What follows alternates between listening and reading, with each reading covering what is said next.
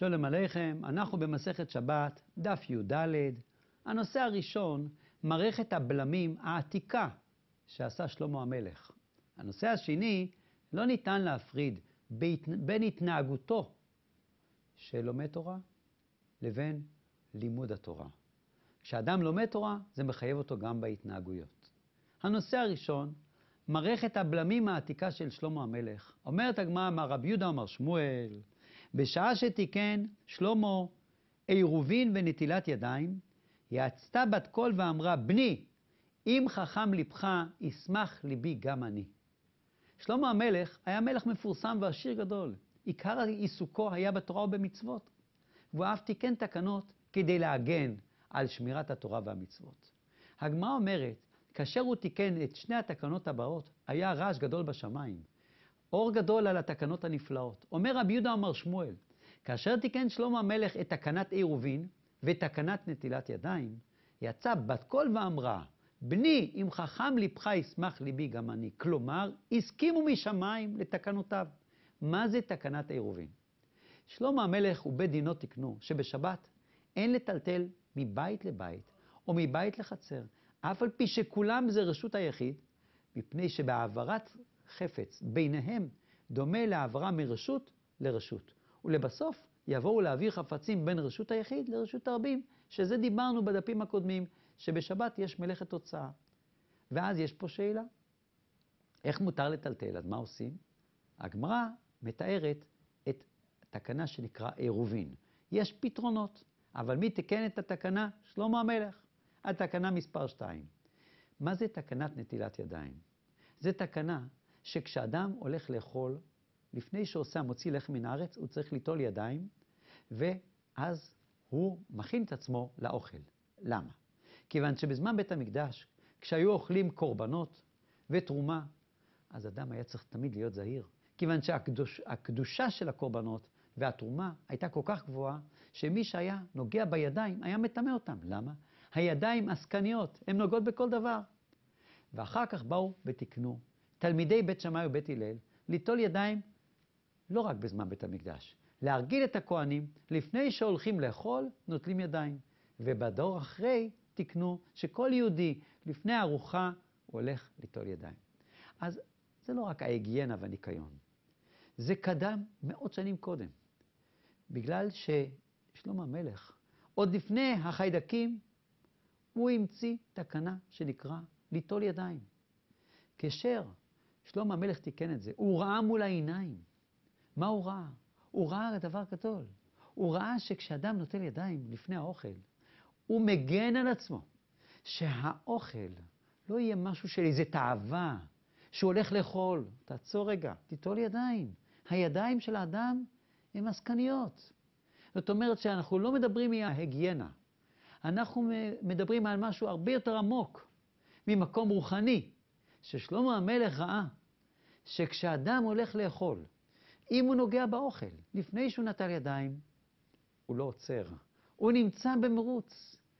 ולכן, כדי להינצל מהמרוץ הזה, שלמה המלך אמר, אני צריך להסתכל במשקפיים יותר רחבות על מה שקורה לאדם שיש לו גוף ויש לו רצון לאכול, ושם מסתתרים החולשות.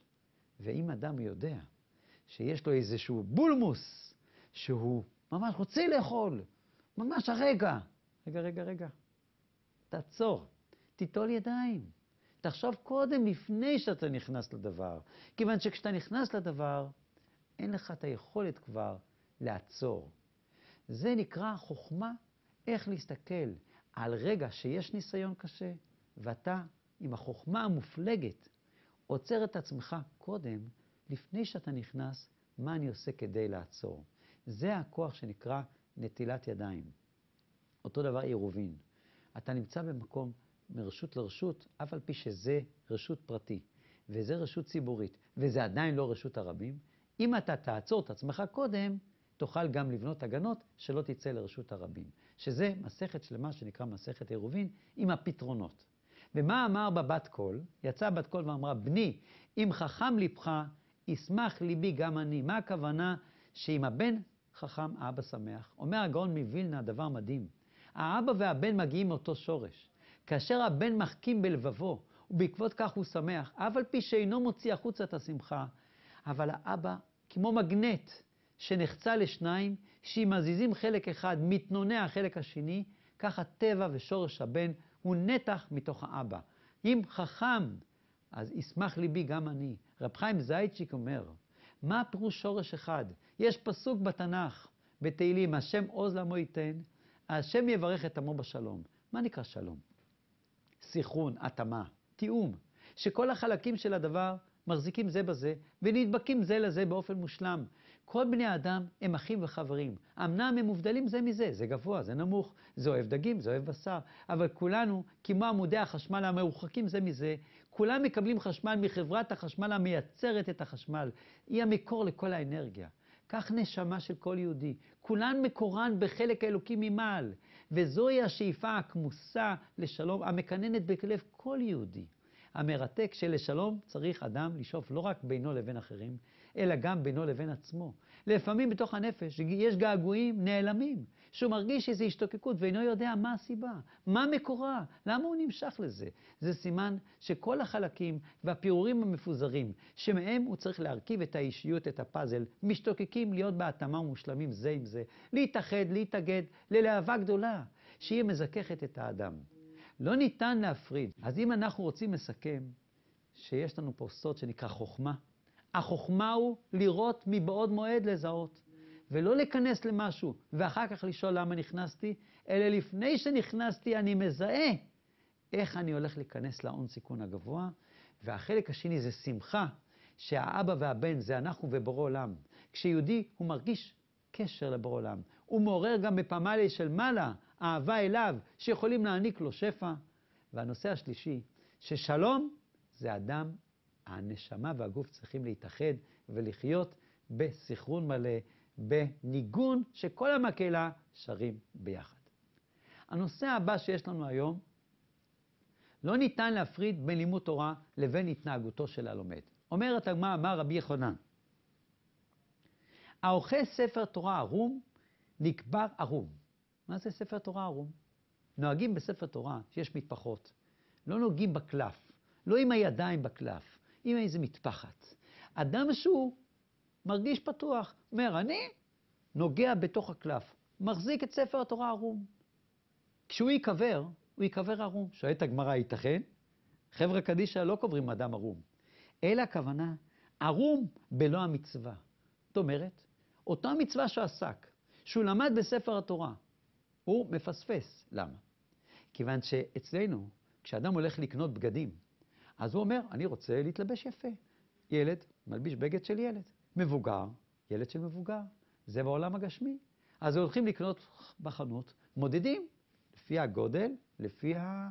מה שצריך. בספרי הקבלה כתוב שכשם שכדי להתקיים בעולם הזה, אדם זקוק למזון ובגדים, ככה נשמה זקוקה למזון ולבגדים. המזון של הנשמה זה התורה שהוא לומד, זה המזון לנפש, לנשמה, והבגדים של הנשמה זה המצוות. כאשר אדם עושה מצווה, זה לא מעשה חולף. זה מעשה שכמו בגד, מתלבשת עליי, והיא הופכת להיות חלק ממני, והמצווה הזו טובה סביבי, הילה ואור המקיפים אותי מכל עבר. ידוע על צדיקים שמי שהיה רואה אותם, היה נבהל מהאור שהיה מקיף אותם. זה האור של המצוות, הבגדים, הכל היה אור. אמר אחד הצדיקים, כשם כאשר אדם גודל, יש לו לקנות בגדים גדולים יותר, המתאימים למידתו, ככה ברוחניות. ככל שהוא גודל, יש לו להוסיף מלבוש לנשמה, לכל דבר שלא יראה מגוחך. אדם בוגר עם בגדים של ילד. ולכן בגד בגימטיה תשע. למה? זה מספר קטן של אמת, שבור עולם זה החותם של האמת. הבגד זה הנשמה, שזה בעצם הבגדים, שזה הנשמה של האדם. ומה המסר הנוסף? איפה נעלם הרווח של העסקה? אנחנו למדנו פה. תארו לעצמכם, אדם עשה עסקה הגונה, אבל בדרך לעסקה הוא עשה דברים לא הגונים. האם הוא הפסיד את העסקה? נניח שאדם עבר ברמזור אדום וסגר עסק. זה לא בסדר, אבל כל אחד מבין, אין לזה קשר לרווחיות של העסקה. או אפילו אם ההתנהג לא יפה אל הצד השני לעסקה, אבל עדיין העסקה בתוקף, הרווח קיים וההתנהגות לא בסדר. פה אנחנו רואים בגמרא ביטוי חריף מאוד. נגבר ערום בלי המצווה. אדם למד תורה, אבל הוא זלזל איך ייתכן שהוא יפסיד גם את מה שהוא למד? יש פה דבר מאוד עמוק. תורה זה לא מתמטיקה. תורה זה ללמד אותי איך להתנהג. אומר הכתב סופר, אין תורה בלי יראת שמיים ומידות טובות. תכלית החיים זה השילוב, ההתנהגות. התורה נותנת לו אור, והוא צריך לקחת את זה לחיים, איך להתנהג. זה לא מחלקות. מחלקת החוכמה זה כאילו חוכמת הגמרא. מחלקת ההתנהגות זה משהו אחר, לא, לא, לא. זה חלק אחד. אי אפשר להפריד בין הלימוד לבין ההתנהגות. התורה זה לשון הוראה ללמד אותו, והאור האלוקי שהוא מקבל מלימוד התורה, שהוא מזין את הנשמה, הוא מזין את הנפש, זה המזון, מה שהסברנו קודם. המזון הזה נותן לו כוח להתרומם ולתת לגוף את המקום שלו להיות מאוזן. תודה רבה, ושנזכה לחיות בצורה מאוזנת.